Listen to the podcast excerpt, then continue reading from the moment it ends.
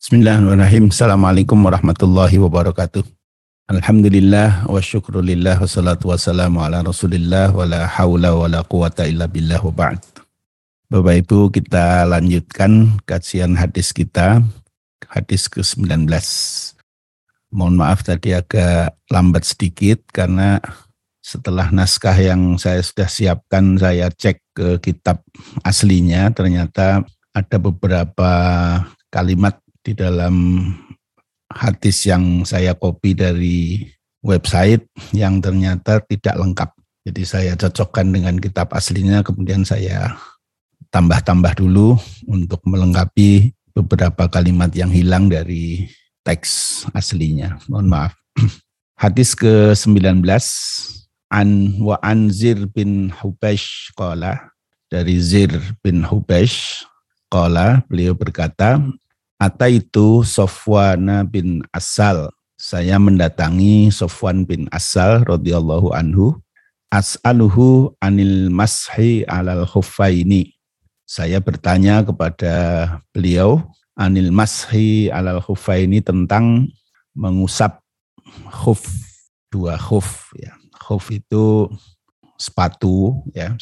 Sepatu dari kulit biasanya yang dipakai di dalam sepatu luar. Jadi kayak kaos kaki tapi dari dari kulit ya. Ini biasa dipakai untuk penghangat ya, terutama di musim-musim dingin ya. Nah, kalau definisi secara umum ya khuf itu semua sejenis sepatu itu yang sampai menutup mata kaki. Nah, itu bisa disebut sebagai khuf. Faqala maka berkata Sofwan bin Asal, Maja abika yazir, apa yang untuk apa kamu datang ke sini wahai Zir? Fakultu, maka aku mengatakan ibtiro al-ilma, mencari ilmu. Faqala maka berkata Sofwan bin Asal, Innal malaikata sesungguhnya malaikat tado'u adsnihataha meletakkan sayap-sayapnya lito libil ilmi bagi pencari ilmu, ridon karena ridho bimayat lupu dengan apa yang dia cari. Fakultu maka aku mengatakan innahu kot hakka fisodri. Sesungguhnya ada keraguan-raguan di dalam hatiku. Al-masha alal ini tentang mengusap terhadap dua khuf. Ba'dal iti wal bauli setelah buang air besar dan buang air kecil. Wakunta imru'un min ashabin Nabi alaihi salatu wassalam. Dan engkau adalah seseorang dari sahabat Nabi alaihi salatu wassalam. tu as'aluka, maka aku datang bertanya kepadamu. Hal sami tahu yadkuru fi dzalika syai'an? Apakah engkau mendengar Nabi menyebutkan tentang hal tersebut sesuatu? Qala maka berkata Sofwan bin Asal, "Na'am, ya." Kana ya'muruna idza kunna safaron au musafirin adalah beliau menyuruh kita ketika kita dalam perjalanan atau musafirin alla nanzi akhifafana salasata ayamin walayalihinna untuk tidak melepas khuf-khuf kita salah satu ayamin selama tiga hari walayalihinna dan malam-malamnya tiga hari tiga malam. Illa min janabatin kecuali karena zanabah. Lakin min itin wa paulin wa naumin tetapi dari buang air besar, buang air kecil dan tidur. Fakultu maka kemudian aku bertanya lagi, hal sami tahu yadkuru fil hawa syai'an? Apakah engkau mendengar beliau menjelaskan tentang al-hawa, keinginan untuk sesuatu hal, syai'an dengan sesuatu? Qala na'am. Maka Sofwan bin Asal pun menjawab, na'am, iya. Kunna ma'a Rasulullah sallallahu alaihi wasallam fi safarin. Kami bersama Rasulullah SAW di dalam sebuah perjalanan. Fabaina nahnu indahu ketika kami ada di samping beliau. Idnadahu a'rabiyun a'rabiyun bisautin lahu jahwariyun. Ketika pada saat itu seorang badui memanggil beliau dengan suara yang keras. Faqala, ya Muhammad. Maka berkata Badui itu, wahai Muhammad, Fa ajabahu Rasulullah sallallahu alaihi wasallam nahwan min sautihi. Maka Rasulullah pun menjawab dengan sebanding dengan suara Badui itu. Haum, ke sinilah. Fakultulahu, maka aku berkata kepada Badui itu, Waihak, aghdud, celakalah, rendahkanlah suaramu. Faqala, maka Badui itu mengatakan, Wallahi la aghdud, demi Allah saya tidak akan merendahkan suara. Qala al-A'rabi, berkata orang Badui itu, Almar'u yuhibbul qaum walamma yalhiqu bihim ada seseorang yang mencintai satu kaum tapi belum pernah bertemu dengan mereka. Kalau Nabi sallallahu alaihi wasallam maka bersabda Nabi sallallahu almar'u ma'aman ahabba yaumal qiyamah. Seseorang akan beserta bersama dengan orang yang dia cintai pada hari kiamat nanti. Pamazala yuhaddisuna maka kemudian Nabi terus menceritakan kepada kami hatta dzakarobaban minal maghribi sehingga beliau menceritakan ada satu pintu di daerah barat masirata ardihi au yasirur raqib fi ardihi arba'ina au sab'ina aman di mana luasnya pintu itu atau orang yang berjalan seorang yang menaiki kendaraan berjalan dan pada luasnya pintu itu arba'ina au sab'ina aman selama 40 atau 70 tahun. Kala Sofyan ahadur ruas, maka berkata Sofyan salah satu perawi ini, Ibalah Syam, pintu itu arah Syam. Khalaqallahu ta'ala, Allah ciptakan pintu itu, yauma khalqis samawati wal ard, pada saat Allah menciptakan uh, langit dan bumi. Maftuhan lit taubati, yang pintu itu selalu terbuka untuk taubat. Layu laku pintu itu tidak tertutup hatta tatlu asyamsu minhu. Sehingga matahari terbit dari arah barat itu. Rawahu at-Tirmidzi wa ghairihi wa ghairuhu wa qala hadisun hasanun sahih. Diriwayatkan oleh at-Tirmidzi dan lain-lain dan At-Tirmidzi mengatakan ini adalah hadis hasan sahih. Baik, jadi ini sebuah hadis yang dicantumkan oleh Imam Nawawi di dalam salah satu bab sebagai salah satu hadis di dalam bab taubat. Nah, sebenarnya topik tentang taubat dari hadis ini ada di bagian terakhir ini ya. Falam maza famaza la yuhaddisuna hatta dzakara baban minal maghrib masirata ardihi au yasirur raqib fi ardihi arba'ina aw sab'ina aman qab kibala syam. Khalaqallahu ta'ala yauma khalaqas samawati wal ard maftuhan litaubah. La yughlaqu hatta tatlu asyamsu minhu. Jadi ada satu pintu yang begitu luas ya digambarkan oleh Rasulullah SAW itu. Pintu itu di arah barat arah Syam yang lebar pintunya itu kalau orang naik kuda itu dari satu tiang ke tiang berikutnya itu selama perjalanan 70 tahun. 40 atau 70 tahun. Jadi luas sekali pintu itu ya.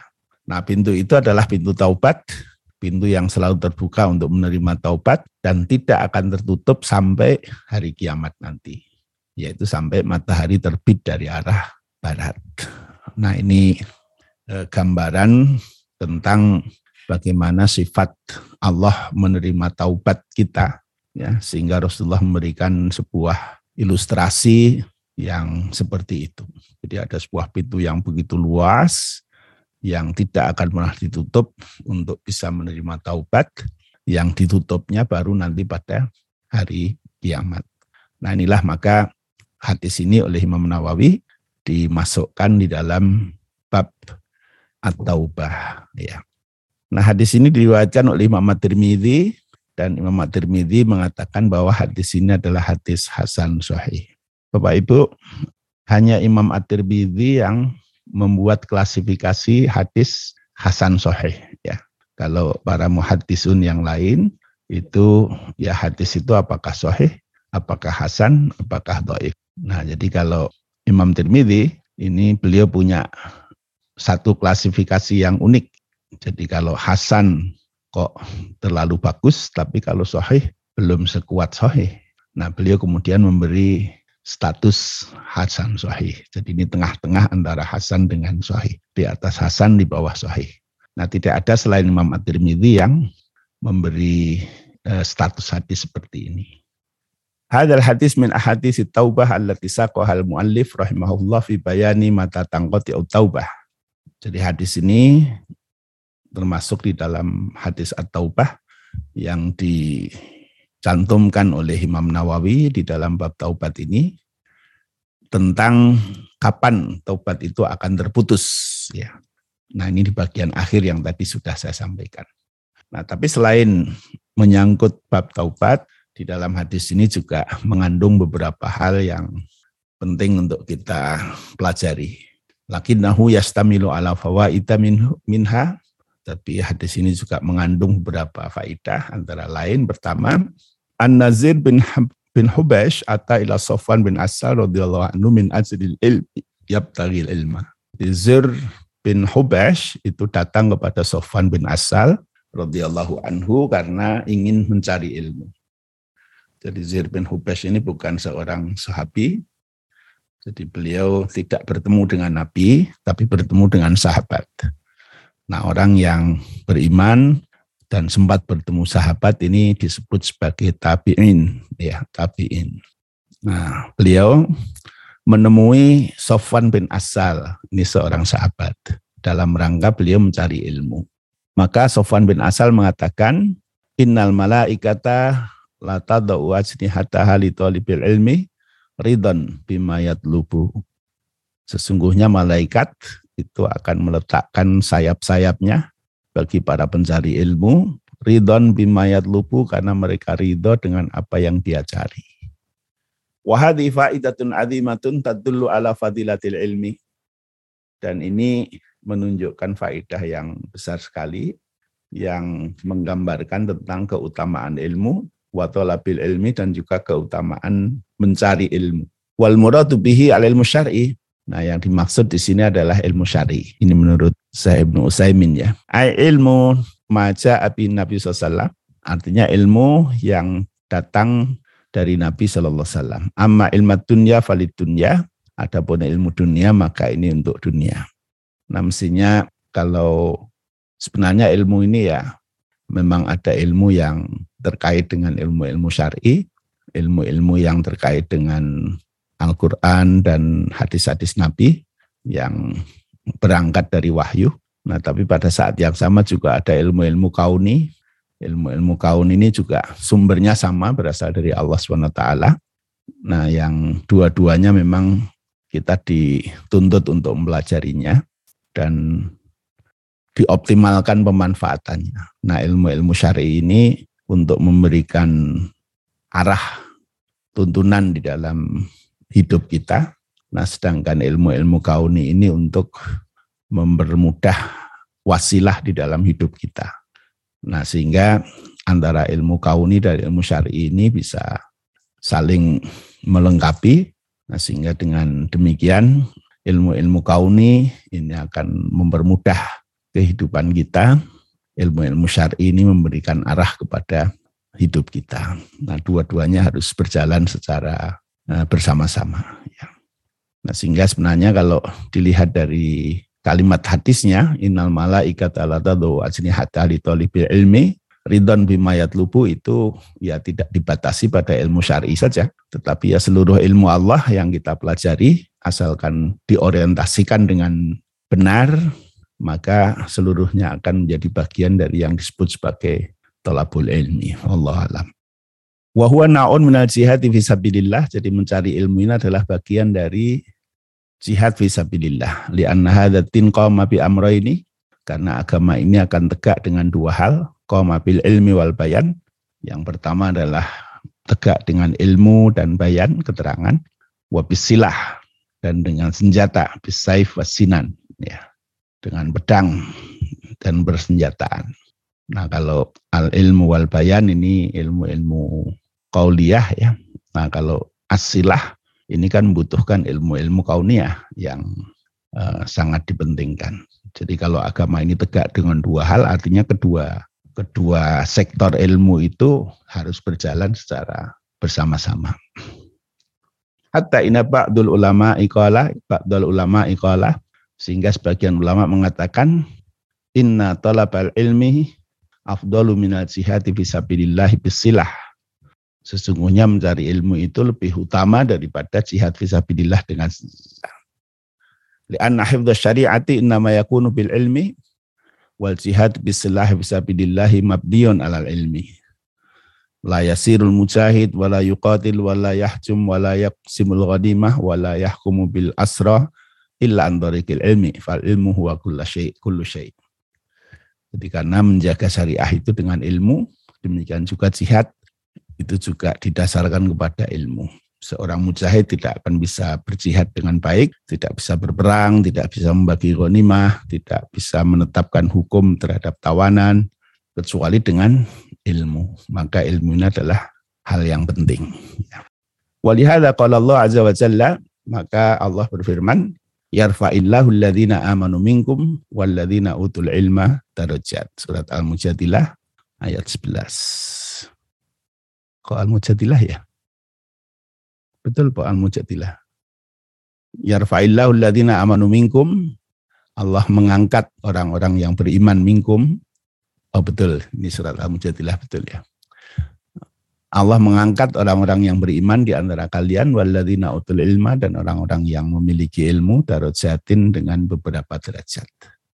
Wawatul malaikati ajnihataha li talibil ilmi ridan bima yatlubu wa ihtiraman lahu wa ta'ziman lahu wa la yuratu ala hadha yaqul qail ana la ahussu bidzalika. Nah, sedangkan malaikat meletakkan sayap-sayapnya untuk mencari ilmu karena ridho terhadap apa yang dia cari dan memuliakannya menghormatinya. Dan janganlah seseorang mengatakan, saya kok tidak merasa ya, ada malaikat yang menurunkan sayapnya. Di annahu idha sahabidalik, kalau memang betul begitu. Di annahu idha sahal khabar anir Rasul SAW, fa innahu kal musyahid ayyanan. Nah karena itu walaupun mungkin seseorang tidak merasa ada malaikat yang menurunkan sayapnya ya, karena ini bukan persoalan fisik ya, Nah, tetapi kalau memang Rasulullah memberi kita informasi seperti itu, maka kita perlu percaya sepenuhnya sebagaimana kalau kita menyaksikan hal yang seperti itu. Jadi ya kalau Rasulullah mengatakan demikian ya kita percaya. Apalagi bab malaikat ini adalah bab yang goib ya. Nah bab goib itu tidak bisa kita uh, ketahui kecuali dengan informasi dari Allah dan Rasulnya. Ara'aita qaulahu sallallahu wasallam apakah kamu juga tidak melihat ucapan Rasulullah yang zilu rabbuna tabaraka ta'ala kulla lailatin ila sama'i dunya hina yabqa sulusul lail al akhir. Tuhan kita tabaraka ta'ala turun setiap uh, malam ke sama dunya ke langit dunia ini ketika masih sepertiga malam yang terakhir. Fayaqulu maka Tuhan kita mengatakan man yat'uni fa'astajibu. Siapa yang berdoa kepadaku maka aku akan mengabulkannya. Man yas'aluni fa'ataituhu fa'utihi. Siapa yang ber, meminta kepadaku maka aku akan beri dia. May yastaghfiruni. Siapa yang meminta ampun kepadaku maka aku mengampuninya. Nah, ini juga ungkapan Rasulullah ya bahwa pada sepertiga malam terakhir Allah turun ke langit dunia. Kita jangan mengatakan mana ya Allah turunnya di mana ya? ya kan tidak bisa begitu. Kan ini adalah masalah ghaibiyat ya, masalah yang bukan masalah fisik ya, tetapi masalah gaib yang ketika Rasulullah mendikau begitu ya kita yakini, kita terima. Sehingga yang penting bagi kita justru bagaimana bisa bangun di sepertiga malam terakhir itu kemudian memohon kepada Allah dengan segala keperluan kita baik dunia maupun akhirat, kemudian meminta kepada Allah apa pun yang kita inginkan, kemudian memohon ampun kepada Allah terhadap dosa-dosa kita.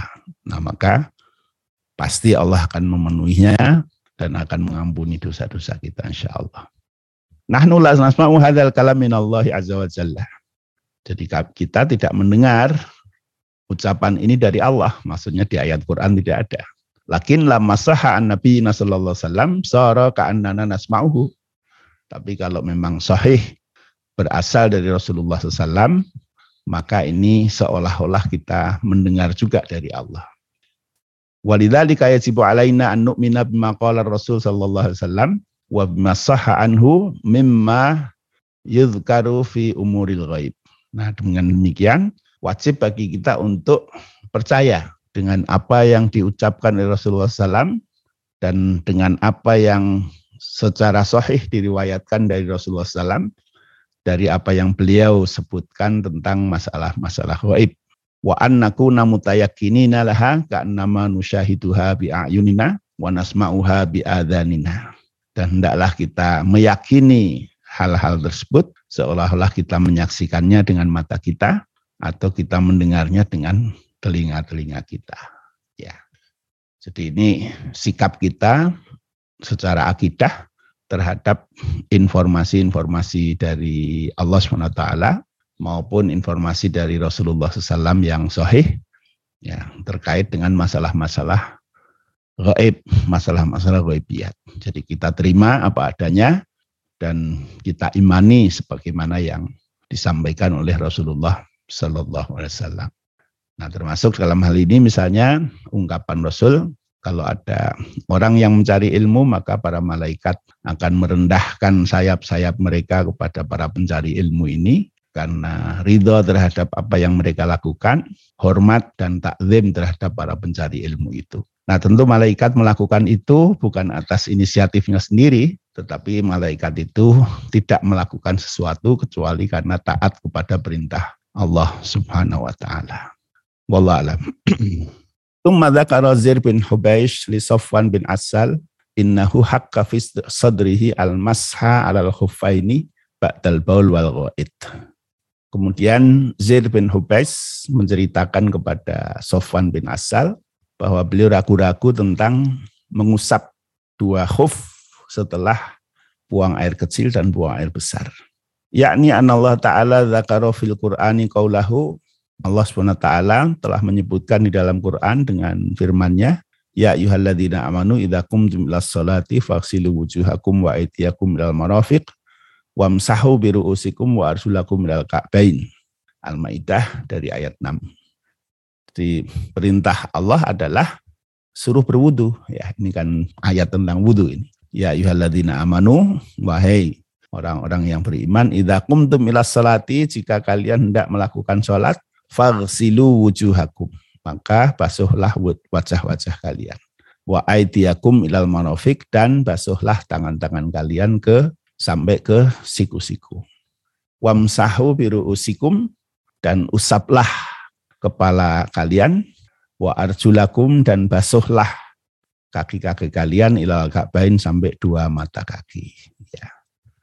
Jadi di situ arjulakum itu atofnya wawunya itu kepada wujuhakum wa aidiakum wa arjulakum.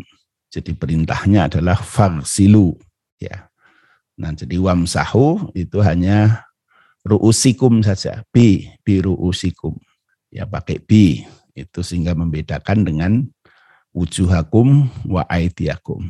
Nah, kalau misalnya dibaca wa arjulikum ilal ka'bain maka kaki tidak dibasuh tetapi cukup diusap ya. Tetapi karena bacaannya ini adalah juhakum wa aidiakum ilal marafiq wa arjulakum ilal ka'bain arjulakum lamnya di fatah ya. Maka artinya ini kembalinya kepada farsilu bukan kepada wamsahu. Fayaqulu maka Zir bin Habes bin Hubes mengatakan innahu haqqa fi sadri. Ay sara indi tawaqqufun wa syakkun fil masyi al hufaini ba'dal baul awil ghaid. Hal hadza jaizun aula artinya beliau ragu-ragu tentang mengusap dua khuf setelah buang air kecil atau buang air besar apakah ini dibolehkan apa tidak? Wabayyana lahu Sofwan bin Asar radhiyallahu anhu maka kemudian Sofwan bin Asar radhiyallahu anhu menjelaskan kepada Zir bin Hubaish. An-nadzalika izun bahwa hal tersebut dibolehkan. Lianna Nabi sallallahu alaihi wasallam amarahum idza kanu safaron au musafirin alla yanza'u khifafahum illa min janabatin. Karena Rasulullah SAW memerintahkan kepada mereka jika mereka sedang dalam musafir untuk tidak melepas khuf-khuf mereka kecuali karena janabah. Janabah itu hadis besar ya. Walakin min ghaitin wa baulin wa naumin tetapi dari buang air besar, buang air kecil dan tidur. Dan tadi di dalam hadisnya disebut uh, salah sa salah sa salah satu ayamin walayalihinna ya. Ini disebut di sini salah satu ayamin walayalihinna. Jadi dibolehkan untuk tidak dilepas. Jadi kalau misalnya berwudu itu cukup diusap saja, diusap saja bagian atas dari khufnya itu. Nanti di hadis-hadis tentang uh, di Bulughul Maram ya, kita akan pelajari secara lebih rinci tentang teknis membasuh khuf ini. Mengusap ya, mengusap khuf ini. Bal innal masha al khufaini afdol idza kana insanu labisan lahuma. Bahkan mengusap dua khuf itu lebih utama daripada melepasnya dan berwudu ya. Berwudu sempurna. Tidak akan insanu lapisan lahuma ketika seseorang itu memang mengenakan khuf itu ya. Waqad thabata fi sahihaini min hadis al-Mughirah bin Syu'bah radhiyallahu anhu annahu kana ma'an Nabi sallallahu fi safarin fatawadda an-Nabi sallallahu fa ahwa al-Mughirah liyangzi'a khuffaihi faqala ta'huma fa inni adkhaltuhuma tahirataini wa masaha alaihima. Ada dalam sebuah riwayat Bukhari dan Muslim dari Mughirah bin Syu'bah radhiyallahu anhu, beliau bersama Rasulullah SAW dalam sebuah perjalanan, maka Nabi berwudu, kemudian Mughirah berkeinginan untuk melepaskan khufnya Nabi ketika Nabi mau wudu itu. Fakola, maka Nabi mengatakan, Da'huma, biarkan keduanya, fa ini adkhaltuhuma tahirataini karena saya telah masukkan dua kaki saya ini dalam keadaan suci wa masaha alaihima dan kemudian Nabi cukup mengusap di atas kedua khuf itu. Fa fi hadza dalilun wadihun ala anal insan alladhi alaihi jawarib au alaihi khifan annal afdal ayyam saha alaihima wa la yaghsilu rijlaihi. Dan ini menunjukkan sebagai dalil yang jelas apabila seseorang itu menggunakan khuf itu ya atau penutup kaki bahwa yang utama itu adalah mengusap kedua penutup kaki itu dan tidak membasuh kedua kakinya ya. Nah ini bisa saja misalnya orang pakai khuf dengan bahan dari kulit ya. Biasanya kalau di Arab itu orang pakai bahannya itu dari kulit yang lembut. Nah ini dipakai untuk biasa dipakai di dalam rumah di dalam masjid ya dan kalau di luar ya dia pakai sepatu. Jadi mirip dengan kaos kaki gitu tetapi bahannya dari dari kulit ya. Nah, ini berlaku juga misalnya orang pakai kaos kaki ya. Karena di musim dingin misalnya orang di Eropa atau di negeri-negeri lain yang bermusim dingin, orang pakai kaos kaki yang tebal yang untuk penghangat kaki, maka mereka boleh di dalam berwudu itu kaos kakinya tidak dilepas selama tiga hari tiga malam. Nah ketika berwudu cukup diusap bagian atas kaos kakinya. Jadi bagian di telapak kaos kaki itu, telapak kaki kita ya, pakai kaos kaki nanti yang diusap itu bagian atasnya, bukan bagian bawahnya. Nah ini yang dulu pernah dikomentari oleh Umar bin Khattab, kalau agama itu adalah nalar, akal, logika, maka mestinya bagian bawah dari khuf itu lebih berhak untuk diusap daripada bagian atasnya. Ini ketika Umar mengomentari bahwa tuntunan Rasulullah itu dalam membasuh, mengusap khuf itu yang diusap hanya bagian atasnya saja, bagian bawahnya tidak. Ya. Nah, ini boleh ya, jadi untuk tiga hari tiga malam. Kalau sudah tiga hari tiga malam maka berwuduk sempurna dengan dilepas khufnya, dilepas kaos kakinya, Nah setelah itu dipakai lagi dan boleh tiga hari tiga malam lagi tidak dilepas. Jadi setiap kali berwudu cukup hanya diusap bagian atas dari kaos kakinya saja. Nah kecuali dengan hadas besar ya. Waminha dan sebagian dari manfaat hadis ini annahu yang bagi idza ashkala 'ala insan syai'un ayas ala wa yabhasa amman huwa a'lamu bihadza syai. Kita bisa belajar dari hadis ini bahwa ketika seseorang itu ragu-ragu terhadap satu persoalan, maka hendaklah dia bertanya kepada orang yang lebih memahami terhadap hal tersebut. Hatta layab kofi kolbi harajun mimma sami'a. Sehingga tidak ada lagi di dalam hatinya sesuatu yang haraj ya, yang mengganjal di dalam hatinya terhadap apa yang dia dengar. Lianna ba'dhan nas yasma'u syai' minal ahkam syar'iyyah wa yakunu fi nafsi haraj wa yabqa muntasyakkikan mutaraddidan. La yas'alu ahadan yazilu anhu syubhah. Ada sebagian orang yang mungkin mendengar sesuatu tentang hukum syariah tertentu, kemudian ada ganjalan di dalam hatinya, tetapi terus saja dia ragu-ragu, tidak pernah bertanya kepada seseorang sehingga menghilangkan hal-hal yang masih subhat di dalam dirinya itu. Wahada khata. Nah yang begini ini salah. Palil insanu yang bagi lahu ayas ala hatta yasila ila amrin yatma'innu ilaihi walayab indahu qalkun. Seharusnya seseorang itu bertanya sehingga dia sampai kepada sesuatu yang menenangkan dirinya dan tidak ada lagi keraguan-raguan di dalam dirinya. Fahada Zir bin Hubaish rahimahullah Sa'ala Sofwan bin Asar radhiyallahu anhu anil masyi al khufaini. Nah, contohnya ini Zaid bin Hubash rahimahullah ini bertanya kepada Sofwan bin Asal radhiyallahu anhu tentang mengusap dua khuf. Wahal indau syai'un an Rasulillah SAW fi dalika. Dia bertanya apakah pada Sofwan ada keterangan dari Rasulullah tentang hal tersebut. Faqala na'am karena ya muruna idza kunna safaran aw musafirin alla nanzi akhifafana illa min janabatin walakin min ghaitin wa baulin wa naumin. Jadi kata Sofyan bahwa Rasulullah menyuruh kita kalau dalam perjalanan untuk tidak mencopot, melepas khuf kita kecuali karena janabah. Tapi kalau untuk buang air besar, buang air kecil dan tidur tidak perlu dilepas. Wahadal hadis fihi dalilun ala subutil masyi al khufain. Hadis ini juga menjadi dalil tentang kepastian adanya syariah mengusap terhadap khufain. Waqat tawataratil ahadis anil Rasul SAW bidalika dan telah mutawatir hadis-hadis dari Rasulullah SAW. Maksudnya banyak sekali riwayat tentang ini. Wa akhadha biha sunnah dan ahlu sunnah juga telah menjadikannya sebagai dasar hatta inna ba'du ahli ilmi alladzina sonafu fi kutubil aqaid zakaru al-mas'al al-hufaini fi kitabil aqaid. Bahkan sebagian ulama menuliskan hadis tentang mashul hufain ini di dalam bab akidah. Wadhalika li anar rafidah khalafu fi dhalika. Falam yasbutu al-mashal al-hufaini wa angkaruhu. Nah kenapa begitu? Karena syiah, syiah rafidah ini menolak tentang syariat mashul hufain ini dan mereka menolaknya. Wal ajab anna mimman rawiyal masu al hufaini Ali bin Abi Thalib radhiyallahu anhu. Anehnya bahwa salah satu yang meriwayatkan tentang mengusap dua khuf ini adalah Ali bin Abi Thalib radhiyallahu anhu. Jadi kalau orang-orang Syiah itu kan menerima hadis itu hanya dari jalur Ahlul Bait ya. Ali dan keturunannya.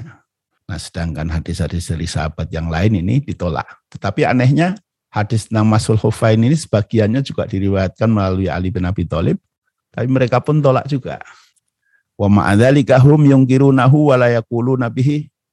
Fakana al-masul al-hufain min syi'ari ahli sunnah wa minal umuril mutawattirati indahum. Nah, tapi walaupun diriwayatkan oleh Ali bin Abi Thalib, mereka tetap menolaknya. Nah, sehingga mengusap hufain ini salah satu dari syiar ahlu sunnah dan dari perkara yang mutawatir menurut ahlu sunnah Allah tilaisa indahum fiha syakun an Rasulillah SAW tidak ada keraguan bahwa ajaran ini adalah dari Rasulullah Sallallahu Alaihi Wasallam. Qala Imam Ahmad laisa fi qalbi minal mahsi syakun. Imam Ahmad mengatakan tentang mengusap khuf ini tidak ada keraguan sedikit pun di dalam hatiku. Au qala syai'un fi arba'una hadisan Nabi sallallahu wa ashabahu. Jadi tentang ini ada 40-an hadis dari Nabi SAW dan para sahabatnya. Walakin labudda min syurutin li jawazin masyal hufaini. Tetapi memang ada beberapa syarat untuk dibolehkannya mengusap terhadap dua khuf itu. Ini ada satu, dua, dan tiga. Ada tiga syarat ya.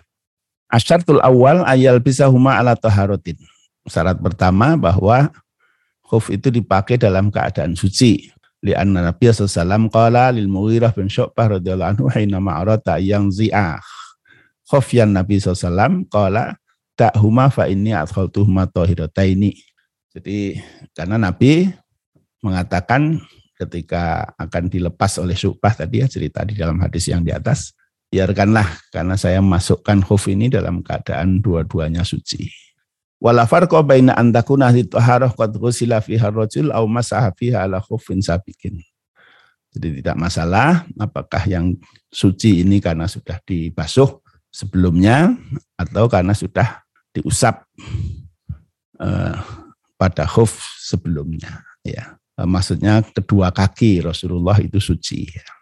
Jadi kaki yang dipakaikan khuf itu sudah suci sebelumnya ya, baik suci karena sudah wudhu sebelumnya atau suci e, karena sudah diusap khufnya sebelumnya. Jadi kalau misalnya orang dalam keadaan batal wudhu kemudian menggunakan khuf, nah maka nanti pertama kali dia harus melepas khufnya dulu karena pada saat memakainya ini belum bersuci ya. Jadi ketika dia sudah berwudu sempurna kemudian menggunakan khuf nah baru setelah itu dia boleh untuk tidak melepasnya selama tiga hari tiga malam dalam keadaan musafir. Nah kalau dalam keadaan tidak musafir itu sehari semalam. Pamasalan lautawat doa wudu an kamilan wa wasala jelaihi sumala bisa jawarib yakni asyarab au al khufaini fahuma la bisa huma ala taharotin. Nah ini ya, jadi seorang wudhu dengan sempurna, kemudian dia basuh dua kakinya, kemudian dia menggunakan kaos kaki ya atau khuf ya, maka dia memakainya sudah dalam keadaan suci. Kadalika laukana qatla bisa jawarib min qablu wa masaha alaihi ma taja ila ziyadatin curibin wala bisahu ala curibil awal alladhi masahu wa ala tahrid fa innahu yamsahu ala sani. Demikian juga kalau sebelumnya sudah memakai kaos kaki pertama, kemudian dia ingin mendobeli ya dengan kaos kaki kedua. Nah, maka nanti asalkan kaos kaki pertama itu sudah dipakai dalam keadaan suci kayak tadi ya sudah wudhu dulu nah, kemudian baru pakai kaos kaki pertama atau tadi ya sudah suci dengan dia diusap sebelumnya nah kemudian didobeli dengan kaos kaki kedua misalnya masih terlalu tipis nah maka ini dikatakan sudah dalam keadaan suci. Pak innahu yamsahu alasani maka cukup dengan mengusap kaos kaki yang kedua itu Lakin yakunu ibtida'ul muddah minal masih al awal la minal masih al sani. Tetapi hitungannya, hitungan masanya itu dihitung dari saat memakai kaos kaki yang pertama. Bukan pada saat memakai kaos kaki kedua. Jadi misalnya hari pertama masih satu kaos kaki aja. Kemudian hari kedua karena merasa dingin didobeli. Nah itu hitungan tiga harinya dari hari pertama bukan dari hari yang kedua. Hadha huwa al sahih annahu idza labisa khuffan ala khuffin mamsuhin fa innahu yamsahu ala a'la. Lakin yubna ala muddatil masih ala awal. Nah inilah. Jadi kalau seorang pakai khuf kemudian pakai lagi, maka dia cukup dengan mengusap khuf yang kedua. Tetapi hitungan waktunya dihitung dari saat memakai khuf yang pertama. Walaupun dan lakuna taharatu bil ma falau labasahu ma ala taharati tayammun fa lam sahu alaihima. Nah, kemudian yang dimaksud mensucikan itu dengan air, ya, bukan dengan tayamum. Karena kalau dengan tayamum ini tidak boleh langsung diusap. Mislu rajulin musafirin laisa ma'u ma'un fatayamama wala bisal hufaini ala taharati tayamumin summa ba'da dzalika wajadal ma' wa arata ayatawaddu'a fa fi hadzal hal budda yahlal hufaini wa yuksila qadamaihi indal wudu.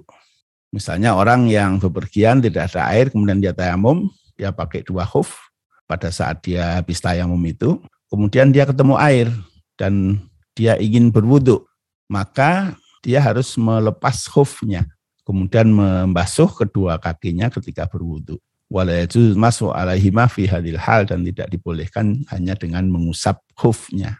li annahu lam yalbasuma ala taharati ghuslin fi harrajul ala taharatin wa sala fi harrajul fa inna tayammum yata'allaqu bi wa ini faqat wa huma al wal kafan karena ketika dia make khuf itu dia belum mencuci kaki karena tayamum ini kan hanya menyangkut dua hal yaitu wajah dan telapak tangan jadi kakinya itu belum diapa-apain jadi ketika dia memasukkan dia mengenakan khuf di kakinya Nah, kakinya ini belum disucikan.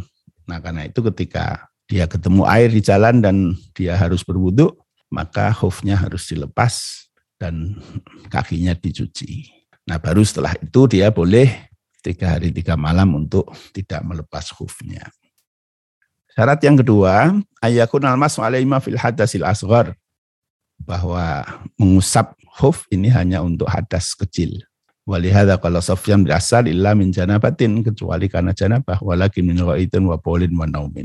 Fa idza sara al insani janabatun fa innahu la yujzi wa ayam sahal jawribaini awil khuffaini bal labuta min naz'ihima wa salal qadamaini. Wa dzalika an al kubra laisa fiha mashun illa lidarurah fil jabirah. Walihada la yamsahu fiha ar-ra's. Bal labuta min ghusli ra'si ma'na fil hadasil asghar ramsah lakin janabah taharatuha aw kata wa hatta sa akbar fala budda min al-ghusli wa la yamsahu fiha ala khuf li hadis li anna makna wal qiyas yaqtadi dzalik jadi kalau janabah ini kan orang harus mandi ya jadi ketika orang harus mandi maka ya khuf harus dilepas khufnya dilepas dan seluruh tubuhnya harus kena air ya kalau wudhu itu kepala pun cukup diusap ya tidak dibasuh. Tapi kalau janabah itu kan bersucinya itu dengan mandi. Nah kalau mandi ini tidak ada yang diusap-usap saja, semuanya harus dibasuh, dialiri air ya, mulai dari kepala, seluruh badan sampai kaki. Ya, jadi tidak cukup dengan mengusap, baik mengusap kepala maupun mengusap huf. Ya. Asyartu salis ayakun al-masu fil muddati lati haddadah Nabi SAW wahia yaumun walatun lil muqim wa salatu ayyamin belayaliha lil musafir. Jadi membasuh khuf ini ada batas waktu yang ditetapkan Nabi yaitu sehari semalam untuk orang yang mukim tidak berpergian dan untuk musafir itu tiga hari tiga malam. Kama sahadari kaidan min hadis Ali bin Abi Thalib radhiyallahu anhu fi sahih Muslim. Bagaimana juga diriwayatkan Ali bin Abi Thalib dalam sahih Muslim. Ja'ala Rasulullah sallallahu salah satu ayyamin wa lailihinna lil musafir wa yauman wa lailatan lil mukim. Nabi menetapkan tiga hari tiga malam untuk musafir dan sehari semalam untuk orang yang mukim, yakni fil masih al hufain. Fa'idha intahat al muddah fala massa la budda yakhla al jawribaini al hufaini thumma yaghsilul qadamain. Walakin inda intahat al muddah wa anda ala taharatin fastamir ala taharatika la tangkut at taharah walakin dha idza aradta an tatawadda bata indihal muddah fala budda min ghusl qadamaini. Tapi kalau misalnya sudah habis waktunya, ya, misalnya orang mukim sehari semalam, tapi masih belum batal wudhunya, ya enggak apa-apa, terus dipakai saja. Karena harus melepas itu ketika saat harus wudhu. Kalau misalnya tidak batal, tidak harus wudhu, ya misalnya saya mulai pakai nih maghrib nih, maghrib wudhu sempurna, kemudian nanti pakai kaos kaki, nah isak cukup diusap kaos kakinya, Kemudian subuh juga begitu, wudhunya cukup dengan usap kaos kaki waktu membasuh kakinya. Nanti zuhur juga begitu, asar begitu. Nah, mestinya maghrib habis waktu kita. Kalau maghrib itu tidak batal, tidak perlu wudhu, ya tidak apa-apa, tidak usah dilepas. Isak tidak batal, tidak perlu wudhu, ya terus saja. Kemudian baru malam tidur, subuh mau wudhu, lah itu baru dilepas karena harus wudhu. Tapi kalau belum harus wudhu ya tidak perlu di lepas. Wallah Ini jam berapa ini ya? Setengah delapan, Ustaz. Setengah sembilan, setengah sembilan, maaf. Kita cukupkan dulu ya. Ini masih agak panjang di di bawahnya ini. Insya Allah kita lanjutkan pekan depan ya. Kalau ada pertanyaan-pertanyaan juga silahkan ditulis dulu. Nanti dikumpulkan oleh Mas Tovan ya.